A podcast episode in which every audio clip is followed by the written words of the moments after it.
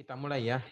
Bismillahirrahmanirrahim. Assalamualaikum warahmatullahi wabarakatuh. Mewaspadai media sosial terhadap perkembangan anak didik. Nah, jadi di buku ini dijelaskan tentang bahaya tentang uh, pemakaian gadget terhadap anak yang belum siap. Nah, kalau teman-teman misalnya nonton The Social Dilemma, itu wah ngeri sekali filmnya. Jadi saya ambil dua film yang cukup bisa menjelaskan kondisi kita sekarang dalam dalam dalam berdigitalisasi. Yang pertama itu film yang baru-baru ini tayang di Netflix adalah The Social Dilemma. Silakan nonton aja eh, teman-teman semua karena ini buku-buku dokumenter sangat bagus sekali untuk dijadikan sumber referensi film ya teman-teman karena juga nonton film itu jangan asal nonton film. Kita di resensi juga punya standarisasi yang ketat untuk menonton film, yaitu nah kita harus cari rating uh, film itu bagus atau tidak. Nah, di Social Dilemma ini dijelaskan bagaimana caranya uh, perusahaan-perusahaan uh, digital itu mencoba untuk menarik perhatiannya kita. Nanti di terakhir nanti saya akan saya akan jelaskan kenapa uh, kita apa ya teralihkan. Bahkan dulu kalau misalnya sebelum kita mengenal gadget, mungkin dulu sebelum bangun uh, sebelum bangun tidur kita mungkin ya merengkangkan badan, uh, membaca doa sesudah bangun tidur atau mungkin sujud syukur atau mungkin langsung sholat subuh. Tetapi yang berubah adalah ketika kita sudah bangun dari tidur kita, otomatis yang kita lakukan itu adalah mengambil gadget. Ya, jadi uh, kita harus mempertanyakan juga kenapa bisa kita keterkaitan erat terhadap uh, apa ya gadget ini. Toh bukankah uh, kita apa ya namanya kita punya punya kuasa terhadap diri kita sendiri. Tapi kenapa ujung-ujungnya justru kita lah yang dikuasai.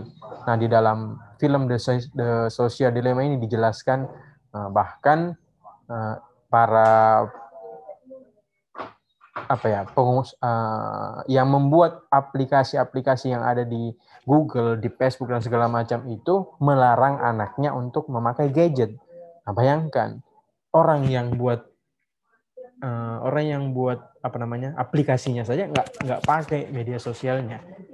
Nah kita ini orang yang tidak tahu apa-apa justru semua harus punya semua harus punya akun Facebook, semua harus punya akun Instagram, semua harus punya WhatsApp, semua harus punya Line, semua harus punya TikTok. Tidak bisakah satu aplikasi saja yang harus kita sesuai kebutuhannya aja? Justru semakin banyak aplikasi yang kita download, semakin banyak waktu yang terkuras untuk uh, fokus kita terhadap uh, hal-hal yang lain. Toh kita punya kehidupan lain, kehidupan nyata. Justru kita ber apa ya? berselancar di dunia maya. Ada juga yang beranggapan bahwa ya di dunia maya dia dapat uh, pengakuan. Dalam artian ya dia dapat like, dapat komen. Tapi justru itu yang menjadi penyakit ujung-ujungnya. Karena kenapa? Ini sudah dijelaskan juga oleh Kak uh, sebelum-sebelumnya bagaimana uh, apa ya tingkat kebahagiaan kita itu akan terus meningkat. Nah ini bahaya.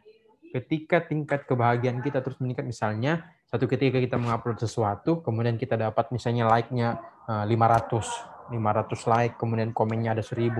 Tetapi pada saat kita mengupload selanjutnya, ternyata uh, itu menurun. Kita pasti uh, apa ya efek-efek efek otomatisnya adalah kita sedih. Kenapa sedikit sekali view-nya dan segala macam. Nah, kita bisa menjadi orang lain di, di media sosial karena hanya pengakuan yang kita cari. Nanti ini dijelaskan juga nanti sama Kak Tonton di uh, buku Everybody Lies nanti. Kak Tonton yang akan jelaskan. Nah, kenapa juga misalnya di buku The Shallow juga dijelaskan bahwa internet itu bisa mendangkalkan otak kita. Karena kenapa? Karena uh, sifat instannya. Ya kan seperti misalnya uh, kalau dulu kita ingin mencari sesuatu ya kita belajar membaca buku satu full. Misalnya kalau kita ber, uh, uh, ingin cari tahu sesuatu atau temanya tentang uh, hijab. Nah, kita tinggal klik saja di Google yang sekarang kita katakan itu adalah Mbah Google yang tahu segalanya. Nah, itulah sifat instan yang mendangkalkan pikiran kita. Jadi, uh, hasilnya saja yang yang diperlihatkan oleh internet itu, prosesnya dia tidak jelaskan. Nah, berbeda dengan buku.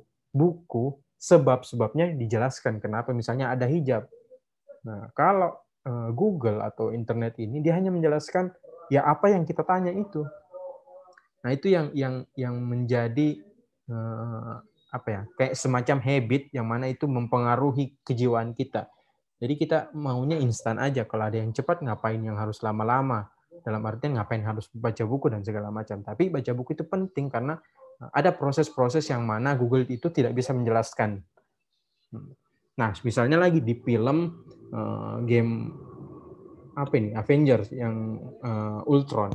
Nah, ini kan Ultron ini kan diciptakan oleh uh, Tony Stark. Tetapi karena sifatnya ini artificial intelligence yang yang apa ya mengembangkan dirinya sendiri sampai-sampai menjadi jahat. Nah, itulah yang diciptakan produk-produk digital sekarang yang menguasai perhatian kita.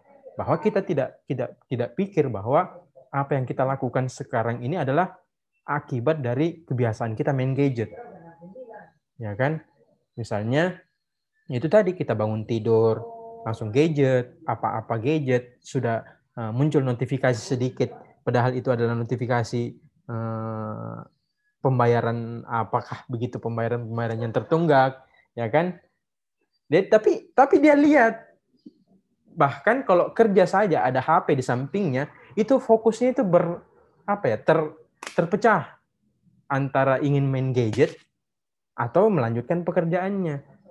Nah, jadi kalau bisa juga ini saran ya teman-teman harus matikan notifikasinya. Apa pun itu matikan saja notifikasinya. Kalaupun ada kepentingan, ya, mereka pasti menelpon kalau ada memang kepentingan yang paling penting gitu. Jadi bagaimana caranya kita bisa menguasai diri kita untuk tidak main gadget adalah itu. Eh, kurangi hal-hal yang sifatnya kita selalu untuk uh, ingin berselancar di dunia maya, sisihkan saja sedikit. Kita masih banyak eh, hal-hal yang bisa dilakukan, misalnya menentukan visi hidup.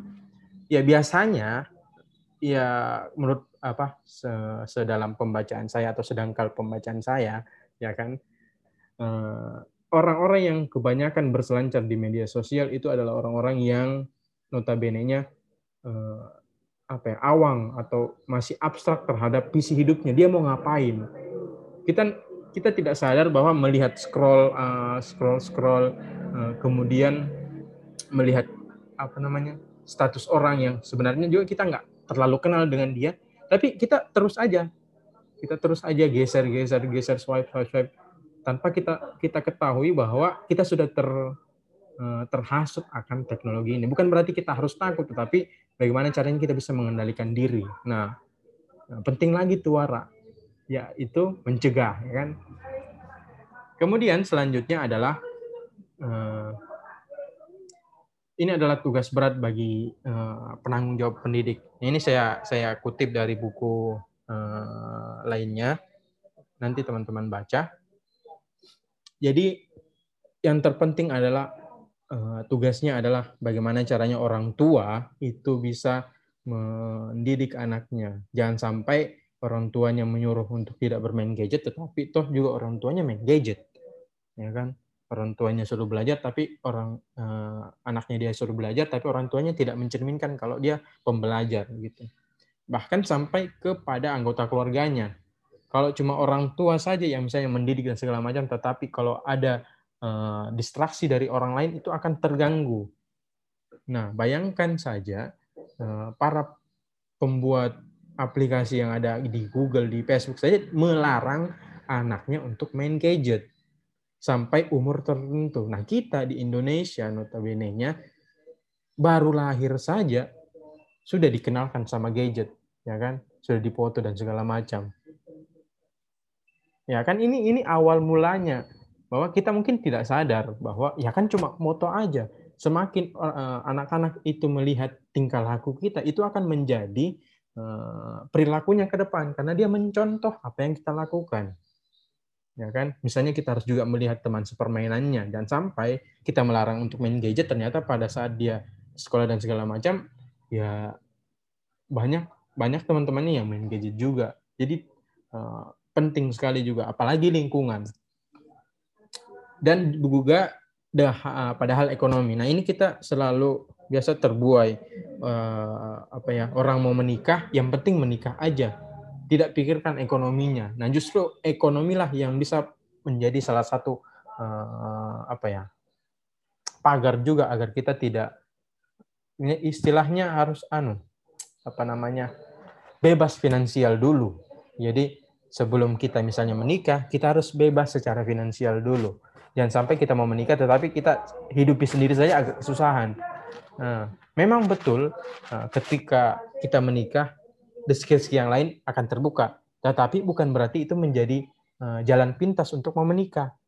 Ya kan? Kita butuh hidupi diri kita, orang uh, yang kita nikahi dan dan masa depan anak yang nanti akan kita lahirkan. Begitu juga dengan sekolah. Jadi penting sekali uh, enam aspek ini untuk kita lihat karena kita pada dasarnya juga nanti akan mendidik seorang anak kalau kita panjang umur. Amin. Nah, kemudian apa yang harus kita lakukan? Nah, akhir-akhir ini juga banyak video juga yang ber, ber, ber tayang di YouTube silahkan teman-teman aja uh, lihat. Misalnya kita harus lakukan giat digital minimalism. Nah, ini kanca paham ini kalau sudah ber, uh, me, apa kita singgung tentang uh, minimalis. Jadi dalam hal gadget juga kita harus minimalis yaitu bagaimana yaitu gaya hidup online yang sederhana. Kalau Anda bukan editor apalagi yang selalu banyak berkecimpung dalam hal digital, ya kurangi. Tetapi kalau Anda editor, ya memang pekerjaan Anda di situ. Tetapi kalau Anda cuma e, memakai sosmed dan segala macam, ya untuk apa berlama-lama di sosmed begitu? Banyak hal-hal yang bisa kita lakukan. Kita misalnya bisa berdiskusi dengan misalnya kalau ada yang sudah punya keluarga keluarganya, justru bisa e, ada yang beranggapan bahwa digital ini menjauhkan yang dekat, tetapi justru sebaliknya juga yang dekat itu malah menjauh.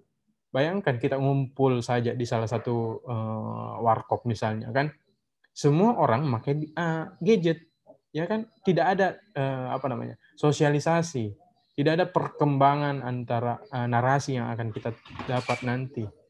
Nah, jadi penting sekali uh, giat digital minimalism ini, yaitu kita harus porsir berapa jam harus memakai gadget dan berapa jam juga istirahat dan segala macam. Itu bisa menjadi apa ya trigger untuk diri kita sendiri.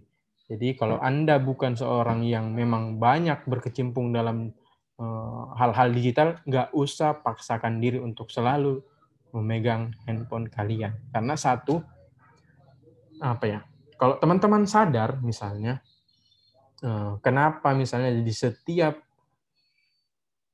di setiap gadgetnya teman-teman, misalnya di Instagram. Setiap kali teman-teman scroll, scroll, scroll uh, feed Instagram, pasti ada iklan di setiap beberapa uh, sela-sela teman-teman uh, melihat feed Instagramnya teman-teman yang lain.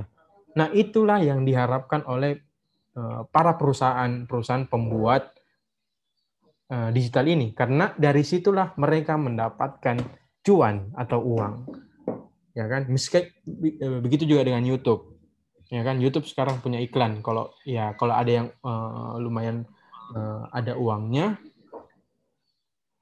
dia pakai YouTube Premium yang mana tidak ada iklannya. Nah tetapi ini uh, salah satu kutipan yang di uh, saya kutip di filmnya The Social Dilemma. Ini film bagus silakan teman-teman nonton. Dia bilang gini jika kau tak membayar produk jika kau tak membayar produknya berarti kaulah produknya. Apa Kenapa kita bisa jadi produknya? Karena uh, perhatian kita lah yang mereka harapkan. Karena dari perhatian mereka, uh, perhatian kita, sorry, uh, uang akan mengalir terus ke dalam kantong-kantongnya mereka.